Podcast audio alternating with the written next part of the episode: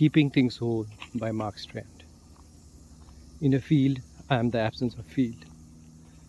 This is always the case. Wherever I am, I am what is missing. When I walk, I part the air, and always the air moves in to fill the spaces where my body's been.